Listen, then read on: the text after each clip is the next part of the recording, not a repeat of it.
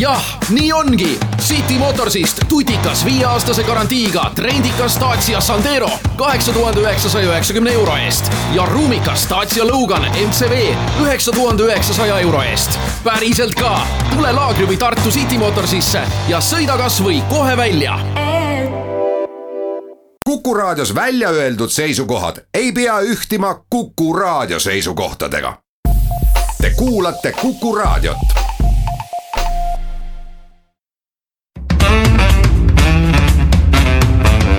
Muuli ja Riikoja tere päevast, head kuulajad, kell on mõned minutid üksteist läbi ja et on reedene päev, siis loomulikult ka saate Muuli ja Riikoja aeg ehk Kalle Muuli ja Hindrek Riik on stuudios. tere päevast. alustame tänast saadet Mart Järviku ja Illar Lemetti teemaga esmaspäeval valits-, vabastas valitsus ametist maaeluministeeriumi senise kantsleri Illar Lemetti ja Jüri Ratas peaministrina tegi ettepaneku ka maaeluministri Mart Järviku vabastamiseks. teiseks räägime pikka aega kestnud saagast kalatööstuse MB Wool ümber, mis nüüd siis on lõppenud kalatööstuse sulgemisega listeeriabakteri ohu tõttu VTA ehk siis Veterinaar- ja Toiduameti nõudel räägime ka taaskord rahapesust, pikalt tundus, et kas Eesti suuruselt teine pank, SEB, saab sellest asjast puudutatud või mitte, nüüd on välja tulnud, et loomulikult mitte. ja võtame jutuks ka ühe üsna suure allkirjade hulgaga pöördumise, nimelt kolmkümmend kaheksa kohaliku omavalitsuse sotsiaalvaldkonna juhti on siis pöördunud peaministri, presidendi ja õiguskantsleri poole palvega noh, praktiliselt keelata ära lastekaitse teemade kajastamine ajakirjanduses. muuli ja Riikoja maaeluministri saaga jõudis siis sellel nädalal viimaks ometi lõpule, täpselt nagu me siin kaks nädalat tagasi ennustasime, et see on paari nädala küsimus.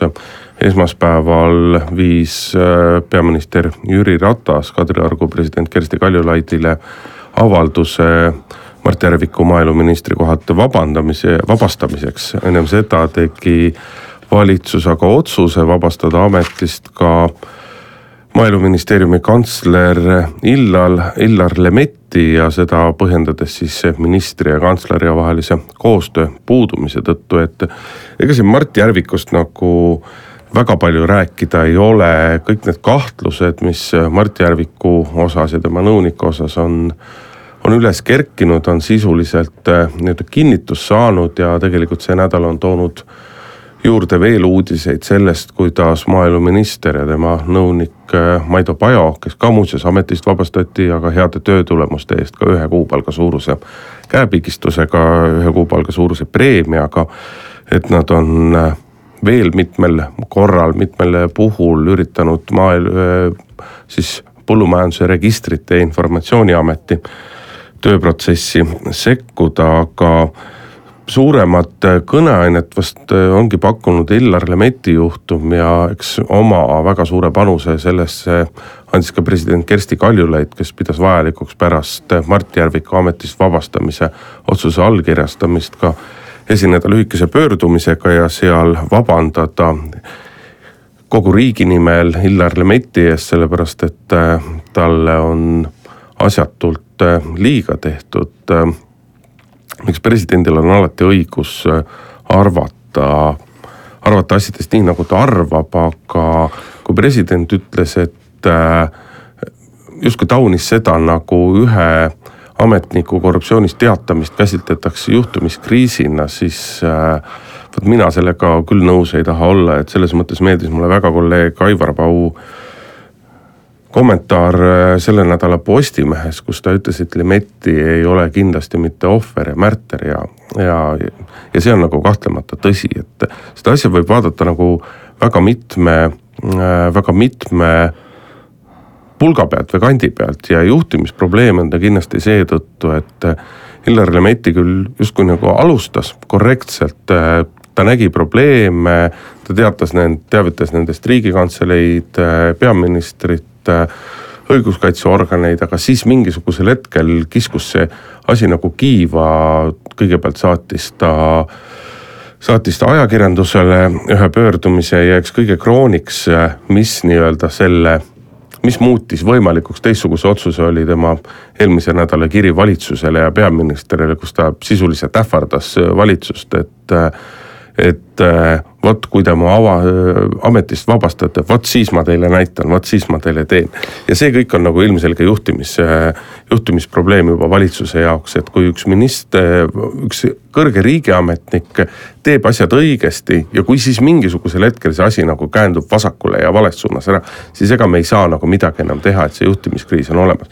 teine asi on, on ka nagu sisuline probleem, et mina Illar Lemettit kunagise toonase põllumajandusministeeriumi töötajana tunnen nagu suhteliselt põgusalt, aga aga kui me mõtleme, et mida me ootame ühelt riigiasutuselt äh, ja selle riigiasutuse juhilt, siis tänasel päeval me ootame väga selgelt sellist kaasaegset organisatsiooni, avatud suhtlemist oma sektoriga, arvestamist eelkõige oma sektorile mõtlemist, äh, sihukest head organisatsiooni kultuuri. ja kui me räägime tegelikult, äh, räägime selle sektoriga ehk siis põllumeestega, toidutootmisettevõtetega ja nii edasi, nii edasi, nii edasi, räägime minist-, erinevate ministeeriumi ametnikena. siis ega sellest ei joonistu välja tegelikult pilt kui sellisest kaasaegsest arenenud organisatsioonist ja kõigest sellest. et äh, selles mõttes ma tahaks ka kõigilt nendelt ajakirjanikelt, kes, kes nüüd on tõusnud barrikaadidele Illar Elementi kaitseks, nõuavad talle aasta kodaniku tiitli andmist ja mida kõike veel, et kas te saate käe südame peale panna ja öelda, et maaeluministeerium oli kantsleri poolt hästi juhitud? mina seda päris täpselt ei tea, aga ma ei kuule ka, kui ma räägin inimestega, kes seda valdkonda tunnevad, ma ei kuule ka seda, et öeldakse, et, et kõik oli suurepärane, kõik oli veatu, kõik oli nagu, kõik oli väga hästi, et selles mõttes äh, ilmselgelt on, on, on mindud liiale, et need põhjendused, millega valitsus vabastas, mille pärast valitsus vabastas, ehk eelkõige nii-öelda viide sellele korruptsioonile. Need põhjendused ei olnud head, aga me ei saa sellepärast väita, et, et see tegu oleks tõesti nagu põhjendamatu olnud ja ma ei ole kindel, et, et president ja teised peaksid kantsleri ees sellisel viisil vabandama. see, et kantslerite suusad lähevad aeg-ajalt ministritega risti ja neil tuleb lahkuda vähem või rohkem poliitilistel põhjustel.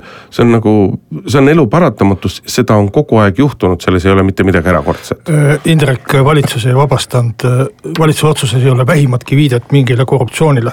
valitsus vabastas äh, Illar Lemetti selgelt avaliku teenistuse seaduse paragrahv üheksakümne kuue alusel mis äh, ütleb lihtsalt, et äh, kui ministri ja kantsleri koostöö ei laabu, siis on ministril õigus teha valitsusele ettepanek äh, vabastada kantsler ja seal ei peagi midagi kui ministri hinnangul. et see ongi praktiliselt kogu selle paragrahvi sõnastus ja ka valitsus vabastas ta selle alusel. jah, aga vaata, ma segan sulle vahele, aga noh, olemuslikult tegelikult see põhjendus on selles mõttes jabur, et, et, et sellel hetkel oli väga selgelt teada, et ma, seda ministrit enam ei ole ja järgmist ministrit me ei tea. tahtsingi sulle rääkida, et noh, see, mis, mis nüüd sellist kõmu või kõneainet tekitab, need on kaks asja. üks asi on see, et minister ise lasti mõni tund pärast seda lahti. peaminister viis tema vabastamispalve presidendile ja teine asi on see, et Illar Lemetti oli sellesama põllumajandusministri või maaeluministri vastu siis esitanud prokuratuuri mingi avalduse, mille täpset sisu ausalt öeldes mina ei tea ja, ja ma arvan, et väga, väga vähe on neid inimesi, kes üldse teavad ja et ta oli astunud mingeid samme, et need kaks asja. ja kahetsusväärselt on tegelikult segaseks jäänud see, et mis sellest avaldusest siis nagu täpselt saanud on, et kas seal asjad hakkasid selle peale liikuma või ei hakka. see on nagu suhteliselt segane ja siin ei, siin ei ole nagu päris selgeid äh, vastuseid antud. et äh, ma lõpetaks oma mõtte ära, et, et, äh, et esimene asi, et minister lahkus ka. noh, see avaliku teenistuse seaduse lahkumisparagrahv ei piira kuidagi seda, et kaua minister peaks pärast seda veel ametis olema, et kas ta peaks olema kolm tundi ametis või kolm päeva või kolm aastat, et millal siis valitsus võib selle äh, la lahendada, samas äh, noh, selle paragrahvi alusel on palju kantslereid äh, vabastatud ja, ja noh, kunagi ei ole mõõdetud aega, et palju siis minister veel on ametis olnud. aga tõesti, selle mõte on ju see, et ko koostöö selle ministriga ei laabu ja, ja valitsus pidaski seda silmas, aga kui me nüüd teoreetiliselt, hüpoteetiliselt mõtleme, et mis siis oleks saanud, kui Lemetti oleks aval-, ametisse jäänud ka järgmise ministri ajaks. et see järgmine minister tuleb ju EKRE-st, võib-olla EKRE juhatusest, et Lemetti ju tegelikult oli vastuolus terve EKRE juhatusega, kui nüüd EKRE saadab uue ministri, siis on kuus kuud maaeluministeeriumis selline olukord, kus Lemetti teab et teda lastakse kuue kuu pärast lahti sellesama paragrahv üheksakümne kuue alusel. ja minister kogu aeg käib ringi mööda maja ja mõtleb, et kuhu nüüd see kantsler mulle sokutada, sokutab selle miini. et minust enne kuut kuud lahti saada ja siis on kuus kuud on ministeeriumis selline õhkkond, kus kantsler ja minister püüavad teineteist noh, piltlikult öeldes ära tappa. et kindlasti sellist olukorda maaeluministeerium ei vajanud aga ka mõelda valitsuse liikmete peale kui üks minister ütleb, et mul ei laabu koostöö äh, kantsleriga, teised ministrid ei saa ju minna kõrvalt ütlema, et kuule, mehe arvates laabub väga hästi et ole temaga edasi. et selles mõttes see üheksakümmend kuus on loodudki selle jaoks, et äh, minister saaks vabalt äh, kantslerit vahetada. ja noh, antud juhul seda tehti, nüüd need Lemeti avaldused korruptsiooni kohta see, sel juhul, kui kantslerit sa, kantsler nagu peaks olema ametis selle tõttu edasi, et ta on teinud ministri kohta avalduse korruptsioonis. siis võiks ju iga kantsler enne vabastamist teha sellise avalduse, no ma saan aru, et see avaldus ei olnud tehtud enesekaitseks või formaalselt. aga ega me ju ei tea ka, mis seal avalduses on ja mis sellest avaldusest saab, et prokuratuur sai kuuldavasti selle avalduse septembris. nüüd on meil detsember juba käes, üle kahe kuu ja öö, prokuratuur ei ole siiamaani otsustanud isegi seda, et kas tegemist on kuriteoga või mitte, et kas seda uurida kui kriminaalasja või mitte, vähemalt ei ole teada, et ta oleks otsustanud, võib-olla, et on otsustatud, aga ei ole teatatud.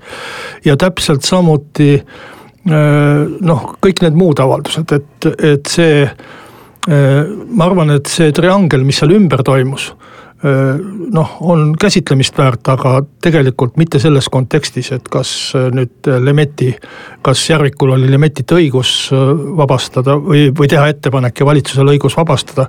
et ma arvan, et see oli täiesti nagu omaette protseduur, et, et neid asju ei maksa nagu omavahel segada. vaata, ma ütlesin alguses, tegemist on juhtimiskriisiga, juhtimiskriisiga just nimelt selles mõttes, et tegelikult ei ole küsimus selles, kas reaalses elus ei ole küsimus selles, kas järgmine minister tuleb EKRE-st, tuleb Isamaast, Keskerakonnast. ei, ta tuleb EKRE-st. jah, aga ma ütlen, et see ei ole tegelikult küsimus. Lemeti nii-öelda ükskõik millise Äh, ükskõik millise ministri seisukohast, Lemetti tekitas olukorra, see, et ta läks prokuratuuri teatama enda hinnangul nii-öelda kuriteost või, või, või väärsammudest. see on õige, see on aktsepteeritav ja, ja niimoodi see asi peabki käima, aga Lemetti tegi vea sellel hetkel, kui ta saatis avalikkusele selle kirja, mitte ei pöördunud näituseks uuesti peaministri, veel kord prokuratuuri või kelle poole. ja järgmise vea tegi Lemetti sellel hetkel, kui ta hakkas valitsust ähvardama. ja see on see tegelik juhtimiskriis, mille pärast Lemetti tuli nagu vabastada, mitte miski muu. aga teeme siinkohal väikese pausi, paar minutit reklaami ja tuleme siis saate juurde tagasi. muuli ja Riikoja jätkame saadet, rääkisime siin maaeluministri ja maaeluministeeriumi kantsleri äh, vabastamisest.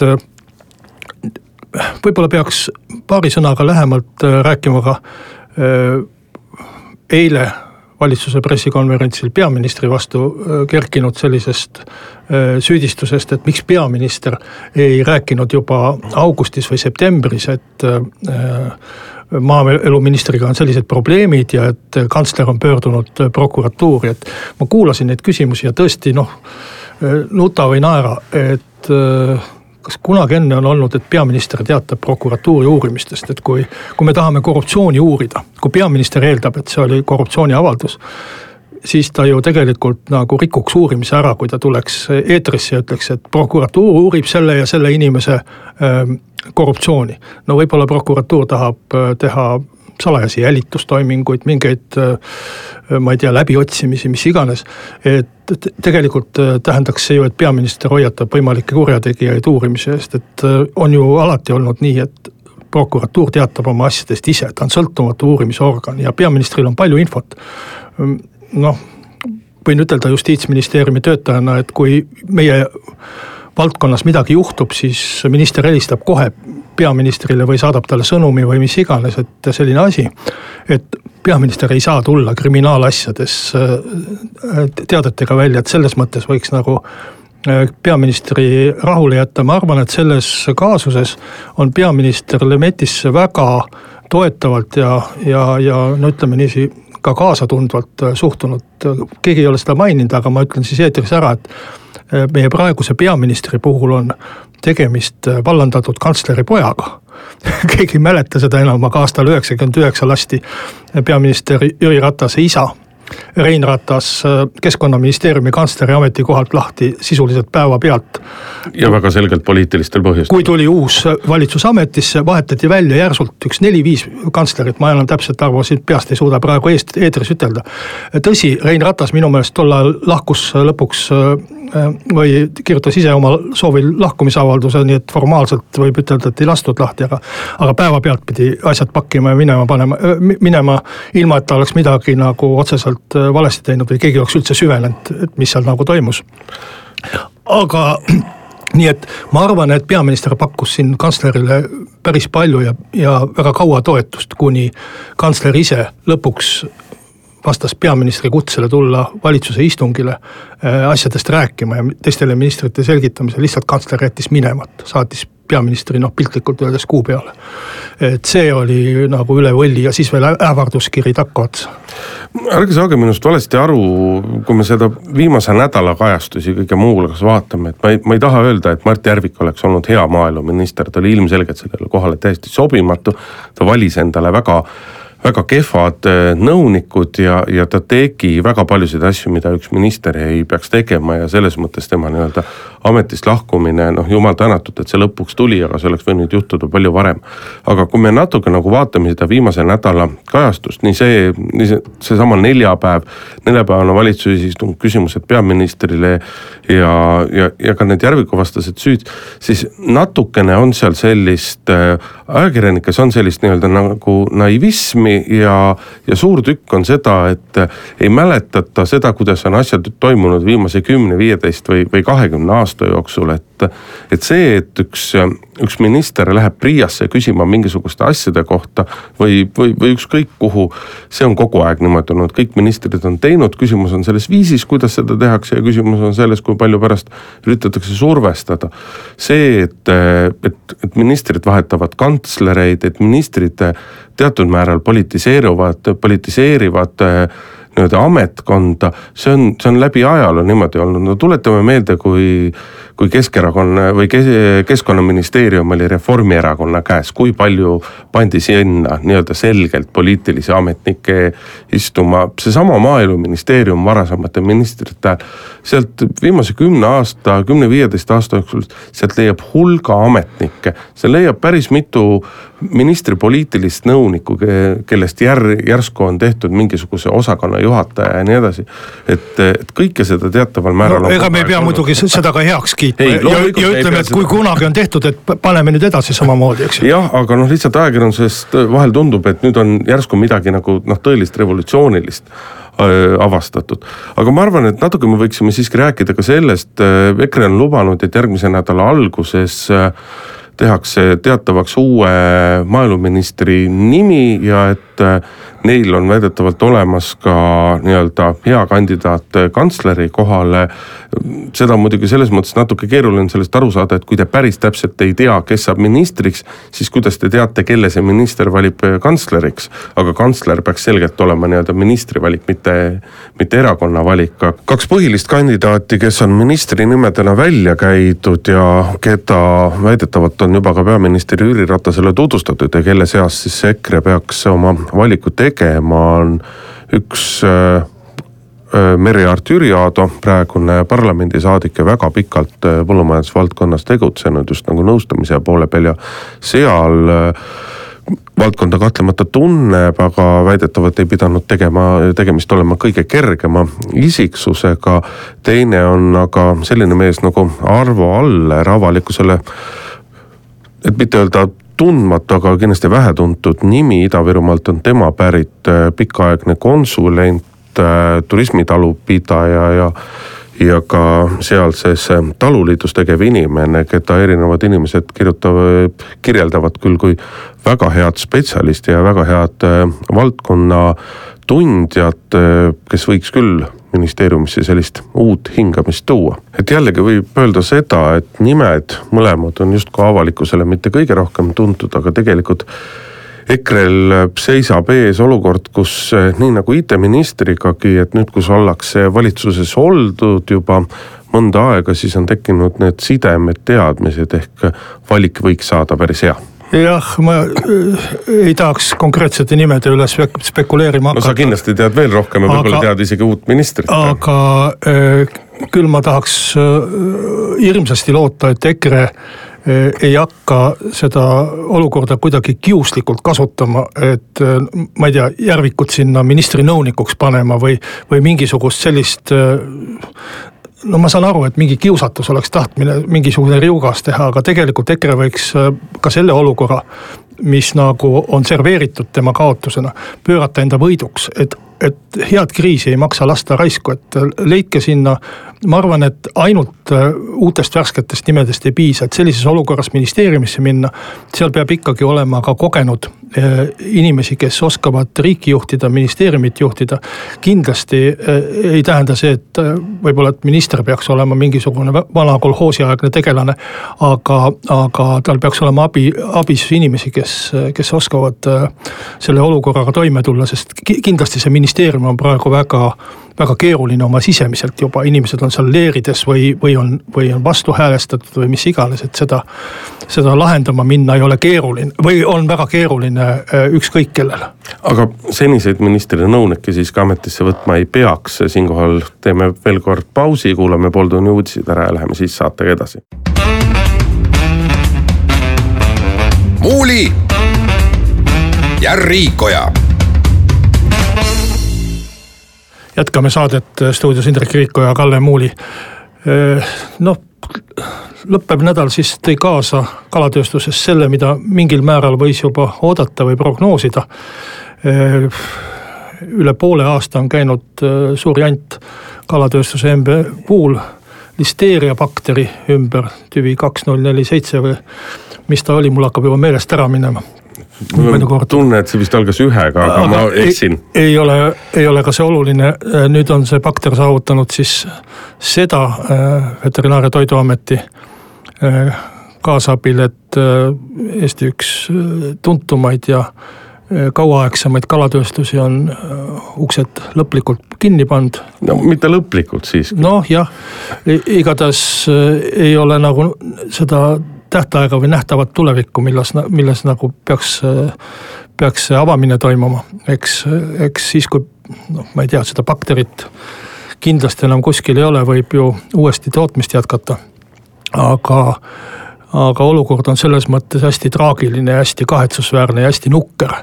et äh, asi, mida minu hinnangul oleks hea juhtimise korral olnud võimalik teisiti lahendada või, või kiiremini lahendada või tööstusele väiksemate kahjudega lahendada lasti äh, sellesama, äh, ma arvan, maaeluministri juhtimisel, kellest me äh, äsja siin rääkisime või liiga vähe rääkisime, sest me keskendusime põhiliselt kantslerile. eestvedamisel ikkagi täielikult põhja, et kui ma olen vaadanud neid pabereid viimasel ajal natukene rohkem võib-olla kui otseselt on ajakirjanduses avaldatud, maaelukomisjon Riigikogus on seda arutanud ja ja, ja, ja mitmeid asju veel. seal on selgelt näha, et äh, Veterinaar- ja Toiduamet alustas normaalse kontrollorganina ja mingil hetkel läksid äh, suusad äh, ettevõttega täiesti risti, kusjuures, kusjuures ettevõte püüdis justkui äh, täiesti viisakalt äh, vastata, kõike teha, mida kontrollorganid nõudsid. aga üha tigedamaks see suhtumine läks ja minu meelest nagu see pööre toimus just sel ajal, kui maaeluminister sekkus sellesse protsessi ja sekkus mitte nii, et ta oleks võtnud pooled ühe laua taha ja püüdnud lahendust leida üheskoos, mis peaks olema sellise kriisi puhul kõige tähtsam ülesanne, vaid ta sekkus justkui ühel poolel, läks justkui kalatööstusele appi. aga tulemuseks oli see, et Veterinaar- ja Toiduamet pidi hakkama tõestama, et tal iga hinna eest on õigus, et iga hinna eest kõik, mis ta on teinud, on, on, on jumalast õige ja, ja, ja ühtegi eksimust neil ei ole ja ja see kalatööstus ongi üks, üks viimane nagu listeeria punker või pesa ja noh, loomulikult, kui üks kontrollorgan tahab midagi tõestada, siis ta saab äh, kindlasti sellise kontrollitavast ülesõitmisega ka seda tõestada, et see oli väga kahju, tegelikult ma arvan, et äh, noh. seda probleemi oleks saanud algselt kevadel lahendada hoopis väiksemate kulude ja kahjudega, kui ta nüüd välja on tulnud. no seal tekkis olukord, kus, kus VTA lisaks sellele, et ta pidi nii-öelda tegelema oma järelevalvele, järelevalveorgani ülesannetega, ta pidi ennast teisest küljest hakkama ka meeleheitlikult kaitsma, sest et surve ja. Eh, tema objektiivsusele, tema sõltumatusele muutus väga suureks ja, ja, ja kui sa jääd niimoodi väga teravalt kahe tule vahele, sellest väga selgelt on ikkagi ka avaliku ootus on, avalikkuse ootus olnud VTA-le, et, et käitutakse resoluutselt ja nii-öelda kõik ohud likvideeritakse võimalikult varakult, et kui sa jääd niimoodi kahe tule vahele, siis no siis sa alati ei otsusta kõige õigemini, et noh, kui me võtame sellesama otsuse nüüd see tehas lõpuks sulgeda. mina muidugi ei ole päris nõus sellega, olles ka erinevaid pabereid näinud, et, et nüüd äh, kalatööstus ise oleks ala, algusest peale olnud nagu väga avatud ja kõik, et noh, see, see lihtne viide, mis on välja toodud, noh või lihtne näide on no see, et, et siin sügisel küll kalatööstus pani ennast äh, kaheks päevaks kinni, et läbida nii-öelda täielik äh, ja täiendav puhastus, siis ega seda nii-öelda võimalust või meetodit pakuti välja juba varem, aga kalatööstus selle peale välja läks alles siis, kui talle tõesti saabus reaalne, reaalne hoiatus, et kui ta seda ei tee, siis võidakse tema tegevus peatada, et selles mõttes ei tulnud tööstus ise ka kindlasti mitte ei ole kõigest nagu vastu tulnud. aga et kui me seda viimast otsust vaatame, noh, see, seesama lihtne küsimus, et miks kohustab VTA, VTA hävitama absoluutselt kõik tooted laos, sealhulgas ka kuumtöödeldud tooted, kust listeeria bakter peaks igal juhul nii-öelda nagu hävinenud olema. ja ega VTA ei ole tahtnud seda ise ka omalt poolt nagu seletada. aga see, et selle nagu probleemiga tegeletakse ja jõuliselt tegeletakse, see on igal juhul nii-öelda õige ja see jutud sellest, kuidas viimane aasta ei ole keegi ära surnud, et see ei ole noh, nagu vabandus, et meil sellist viitsütikuga pommi, kui me teame, et see pomm on olemas, ei ole meil vaja isegi siis, kui selle pommi plahvatamise tõenäosus ei ole mitte väga suur. ja ma äh, ütlesin äh, kalatööstuse kohta hästi kõikides muudes võrdlustes, mis on äh, viimasel ajal kontrollorganite ja ettevõtete vahel olnud, et kui ma võrdlen MV Wooli käitumist näiteks sõnajalgade tuulikute firma käitumisega sellega, siis noh, ei, ei, ei anna ikkagi nagu võrrelda, üks on ikkagi valmis nagu oma vigu tunnistama ja, ja pidevalt midagi tegema selleks, et see listeeriabakter sealt välja saada ja ei ole ka esinenud mingisuguse sellise lauskohtuste kaebamistega, ehkki, ehkki tõesti seal vaidlustusi on. aga aga mida ma pidin, pidasin silmas, äh, äh, kui ma ütlesin, et seda oleks võib-olla teistmoodi saanud lahendada, on. on see, et võib-olla algul ka noh, et me oleme tagantjärgi targad ja võib-olla algul hinnati ka natukene alla seda asja, et ei saadudki võib-olla aru, kui suure asjaga on tegemist, aga kui. kui kevadel tulevad uudised, et on inimesed ära surnud Eestis tõsi küll ammu või, või mitte tõesti sel aastal ja, ja ka Euroopas, siis peaks ju minema ministril peas põlema häirekell, et see on ikkagi suisa rahvusvahelise skandaaliga lõppeda võiv asi. kui, kui veel keegi ära sureb kuskil.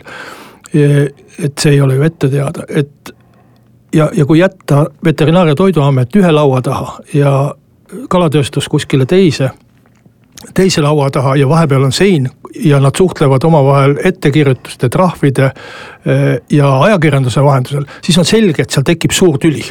see on absoluutselt kindel, et kuna, kuna üksteist hakatakse sel juhul vaenlaseks pidama ja nii edasi, et ministri asi oleks tulnud eh, kõik spetsialistid, kaasa arvatud kalatööstus ja Veterinaar-Toiduamet kokku tuua. mis me nüüd teeme, kuidas me selle probleemi lahendame ja kuidas me saame selle bakteri sealt tehasest eh, esimesel võimalusel välja peaminister on ütelnud, et võib-olla oleks tehas tulnud kohe kinni panna ja ma arvan, et see olekski võib-olla olnud üks selline esimesi lahendusi, et teeme selle suure puhastuse kohe ära ja, ja, ja püüame sellest kohe lahti saada, et ei oleks vähimatki ohtu, et veel üks inimene sureb.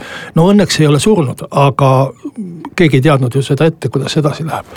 et selles mõttes nagu see tegutsemine, et minister asus oma ametkonna vastu või, või ühele poolele selles tülis või selles konfliktis. et see oli täiesti vale käitumine ja sellega ta tegi asja ainult mitu korda hullemaks. ta tegi loomulikult hullemaks ja omaette huvitav küsimus on see, et mikspärast minister niimoodi käitus, et äh, kuluaarides on, on. ma arvan, et sellepärast, et ta oli rumal see on üks võimalus, et ta on rumal, aga, aga on ju ka hulka teisi võimalusi, eks siin kuluaarides on, on sosistatud ja spekuleeritakse igasugustest asjadest. mina muidugi ei imestaks, kui, annaks lood jumal, et see nii ei ole, aga mina muidugi ei imestaks, kui sellel on mingid oma väga selged põhjused, võib-olla on küsimus mingisugustes toetustes või milles iganes, aga noh, ma usun, et, et kui see nii on olnud, siis küllap ta ka mitte väga kauges tulevikus välja tuleb, aga, aga küsimus siin on ju, et kuidas nüüd nagu edasi, et, et väga selgelt need asjad on sellises staadiumis, et ega siin lihtsaid lahendusi ei ole ettevõte juba on nii-öelda, on pöördunud kohtusse, et saada esialgset õiguskaitset ameti otsuse vastu. et kohtuveskid hakkavad siin kindlasti jahvatama, noh tegelikult oleks vaja puhastus ja kõik see nagu väga selgelt tugevalt ära teha.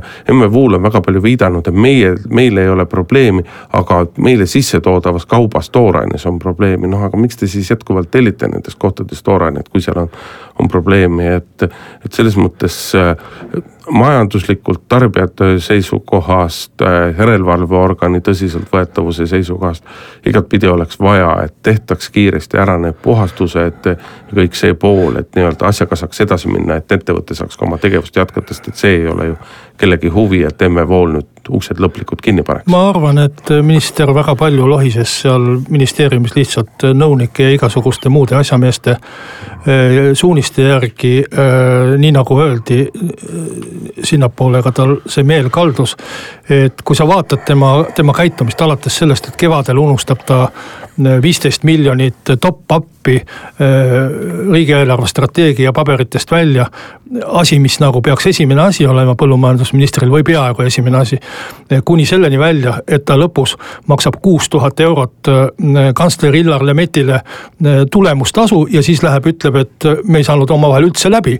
et äh, noh, on, on näha, et inimene on täiesti paigast ära ja ma arvan, et EKRE-le on see suur vedamine ja suur õnn tegelikult, et ta, tal avaneb võimalus tänu Jüri Ratase kindlameelsusele vahetada oma maaeluminister välja, et ma ei tea, mis skandaale ja kõikisuguseid jamasid oleks võinud seal ju, veel juhtuda, et millest põllumehed veel oleks ilma jäänud või mis tehas oleks veel kinni pandud. et ähm, ma arvan, et see on suur kingitus Eesti rahva ja, ja põllumeestele jõuludeks, et äh, sellest ministrist lahti saime. teeme siinkohal veel väikese pausi ja läheme siis saatega edasi. muuli ja Riikoja. Läheme oma saatega edasi, Kalle Muuli, Hindrek Riik jätkuvalt stuudios. kolmekümne kaheksa omavalitsuse sotsiaalvaldkonna juhid äh, tegid pöördumise peaministrile, presidendile ja õiguskantslerile. ja selle pöördumise sisuks on siis see, et äh, kuidagi peaks piirama, nende hinnangul isegi keelama ajakirjandusel erinevate lastekaitse teemade kajastamise ja silmas peetakse siin peamiselt just selliseid nii-öelda nagu üksikjuhtumeid äh, puudutavad sihukest nii-öelda konkreetseid juhtumeid, kus küsimuseks on ühe või teise lapse hooldusõigus ja kõik sellised asjad. no keelamine on muidugi ilmselgelt nagu liialdus ja, ja ma päris täpselt ette ei kujuta ka, kuidas seda nii-öelda ajakirjandusel ära keelata, kuigi kindlasti mingisuguse seadusepügala leiaks. aga sisuliselt ja olemuslikult saan ma sellest murest aru. ja see mure põhjus on tegelikult nagu väga lihtne, et meil on ajakirjanduses nagu mitmeid väga palju juhtumeid ja, ja tegelikult isegi valdav osa juhtum, mis puudutab näiteks laste hooldusõigust, lastevanematelt äravõtmist, mida ajakirjandus kajastab. kõik need lood on need on reeglina täiesti ühepoolsed, sellepärast et lastekaitsetöötajaid neid teemasid ei kommenteeri. ja kui me nüüd äh, võtame läbi ajaloo tagasi, siis, siis tegelikult õnneks juhtumeid, kus lastekaitsetöötajad ilmselgelt on nagu eksinud, me leiame tegelikult aastatest äh, ainult mõned üksikud. probleem on aga selles, et neile lastele, kirjuta sa seda kui anonüümselt tahes ajakirjanikuna, neile lastele pannakse paratamatult äh, märk külge, kuna Eesti on nii väike, et sa võid nimetada ühte küla utoopia külaks aga lõpuks saab avalikkus ikkagi teada, mis külas ka oli tegemist. Ja küsimus ei olegi isegi avalikkuses, küsimus on, piisab sellest, kui selle valla inimesed teavad. Ja sellele lapsele, kes on tegelikult olnud kannataja ja kelle kaitsmise pärast kõik need asjad toimivad, temale maksavad need uudised, need lood lõpuks väga kurjalt kätte, et selles mõttes ajakirjandus on tihtipeale eh, ikkagi liiga vastutustundetu, kui ta kirjutab neid. Ja ma ei pea siin silmas ainult Katrin Lusti ja Kuurijat, me leiame neid lugusid Päevalehest, me leiame neid lugusid Postimehest, Õhtulehest, maakonnalehtedest, me leiame neid igalt poolt. Jah, eks see avaldus ole sõnastatud nii, et eh, tahaks eh, peast kinni haarata ja joosta kuhugi poole noh, juba kasvõi selles mõttes, et jälle üks asi, mis tuleks ära keelata, eks ju, lastest kirjutamine või, või, või sellistest teemadest kirjutamine. siis see, et pöördutakse veel selle palvega presidendi poole, ma ei kujuta ette küll, kuidas demokraatlikus riigis president ajakirjandusele korraldusi annaks või, või, või seadusi muutma hakkaks aga, aga kui me räägime nagu tõsiselt ja sisust, siis minu, ma arvan, et see sisuliselt on põhjendatud, see avaldus. ma tahaks ise ka sel teemal mingi avalduse teha, küll mitte ärakeelamiseks, aga, aga ma ütleks äh, kahte asja, esiteks üks asi on need ajakirjanikud, kes, kellel on mingi toimetus ja mingi vastutustunne, nende tegevust reguleerib ajakirjanike äh, eetikakoodi, koodeks. ja minu meelest see eetikakoodeks on natuke vananenud, seal on sätted ka laste osas, aga võiks võtta Ajalehtede Liit ette selle koodeksi uuendamise ja, ja selle käigus siis tekivad ju arutelud, vaidlused ja saaks võib-olla ka värskendatud nii ajakirjanike mälu kui ka seda eetikakoodeksit ja ma arvan, ka laste osas tuleks kindlasti see üle vaadata, sest ajakirjandus on väga palju muutunud üheksakümne, ma ei tea, aastatest, kui, kui see koodeks vastu võeti. teine asi, et meil on palju ajakirjanduseks peetavat asja, mis tegelikult ei ole ajakirjandus, kuni blogideni välja, kuni Kuuuurijateni välja, mis minu meelest ka ei ole ajakirjanduse osa, vaid on lihtsalt selline meelelahutus pagan teab, kas ta isegi meelt lahutab, aga no võib-olla mõnel inimesel lahutab ta meelt, tegijatel kindlasti. aga äh, mis, mis tegelikult jääb igasuguste regulatsioonide alt välja ja millega ei oskagi nagu midagi äh, peale hakata.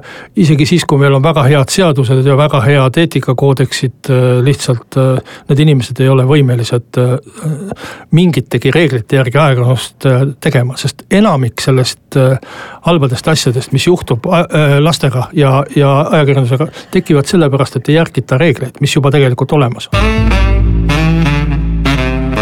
Muuli ja Riikoja. jätkame saadet, no lõppeval nädalal tuli ka üsna ootuspärane uudis, et ega, ega ka äh, Eesti suurune teine pank, SEB, ei ole rahapesust puhas, mida võis ju arvata sellel põhjusel, et, et kui siin ikkagi nendes Rootsi ja Taani pankades see rahapesu käis, et kuidas siis on nii, et turu peal üks pank, mis ei ole sellega äh, üldse seotud ja, ja, ja ühtegi ühtegi kahtlast äh, tehingut toime pannud, nüüd on siis äh, välja tulnud, et isegi kõige verisemaid rahasid ehk Manitski raha, Magnitski, vabandust, mitte Manitski rahasid ehk Sergei Manitski, üks Venemaal surnuks piinatud advokaat. Et, tema, tema poolt paljastatud rahasid siis on, on seda läbi selle panga keerutatud või vähemalt on niiviisi väidetud. mis me ikka oskame ütelda, et et lihtsalt üks kivike selles tohutus kannatuste müüris juures. kui suuremahulisi teenuseid turul pakutakse, siis pakuvad seda kõik ja, ja nii on ja ega see. ei, saa konkurentsis muidu püsida, eks ju. just ja kui me siis tänases mõistes seda rahateenu-, rahapesuteenusest me räägime ja, ja see oli ju teenus Eesti pankadele, siis, siis kõik seda pakkusid, see on paratamatus. no jube keeruline on kõrvalt nii-öelda nagu vaadata ja hinnata seda, eks ole, mis siis need tegelikult mahud olid, kust need rahad pärit olid ja nii edasi.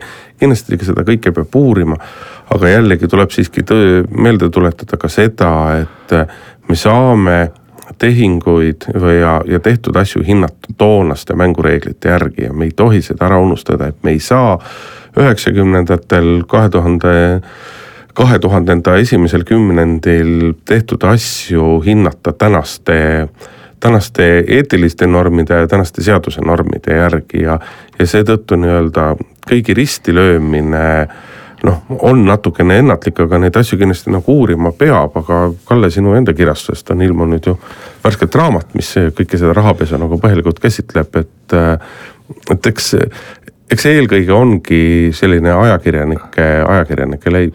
pestud miljonid, mille Sulev Veeter kirjutas meie kavakirjastuse tellimusel ja mis äsja ilmus, annab tõesti äh, päris põhjaliku ülevaate selle, kuidas äh, juba üheksakümnendate aastate algusest, kuidas äh, sellised kahtlased või imelikud rahapesutehingud tehti ja omal ajal tehti neid uhkusega. tehti nii nagu metallitehinguid tehti, et ega ei olnud tähtis, kas see metall oli Venemaalt varastatud, mõrvadega kätte saadud või ka seaduslikult ostetud. kui ta toodi meile vaguniga kohale, siis oli see väga väga hea, me teenisime vahelt kasu ja andsime ta läände edasi. mäletad, oli veel äh, selline loosung, et Eesti peab saama sillaks ida ja lääne vahel. ja tegelikult see. ettevõtjad pingutasid ju selle nimel. rahapesu, raha, rahaga oli täpselt samamoodi, aga ühel hetkel tuli teine aeg, metalliäri lõppes ära, aga rahaäri ei lõppenud ära. Äh, rahaärisse tulid äh, Põhjamaade pangad, kes lõid sellele rahaärile sellise ütleme ilusa, glamuurse ja, ja väga soliidse katte fassaadi. noh, selle ei saa Swedbankis ju midagi inetut toimuda seal on ju viisakad inimesed, Põhjamaad, reeglid, kõik on paigas. et tegelikult need inimesed seal Põhjamaades said väga palju tulu sellest, aga nad kas vaatasid mööda, panid silma kinni noh, oma käsi ei määrinud ja ka nüüd ei määri oma käsi, nüüd nad lükkavad need eestlased külma kätte ja ütlevad, et seal Ida-Euroopas toimuvadki sellised asjad, me ei tea midagi. Nad viisid siit seda raha ju välja veel fiktiivsete laenudega ja igatemoodi tehti igasuguseid sigadusi ja pettusi. ja nüüd nad ütlevad, et eh, ei midagi, et seal idaeurooplased susserdavad midagi, susserdasidki, me tegime, teenisime neile raha, ütleme Eesti pankurid ja, ja, ja said muidugi ise ka. aga nüüd, et Rootsi ja Taani pesevad, tahavad enda käsi sellest puhtaks pesta, no, no ei, nende juhtimisel see toimus. siinkohal tõmbame tänasele saatele joone alla, Kalle Muuli, Hindrek Riik olid stuudios, suur tänu kuulamast ja nädala aja pärast kohtume jälle. muuli ja Riikoja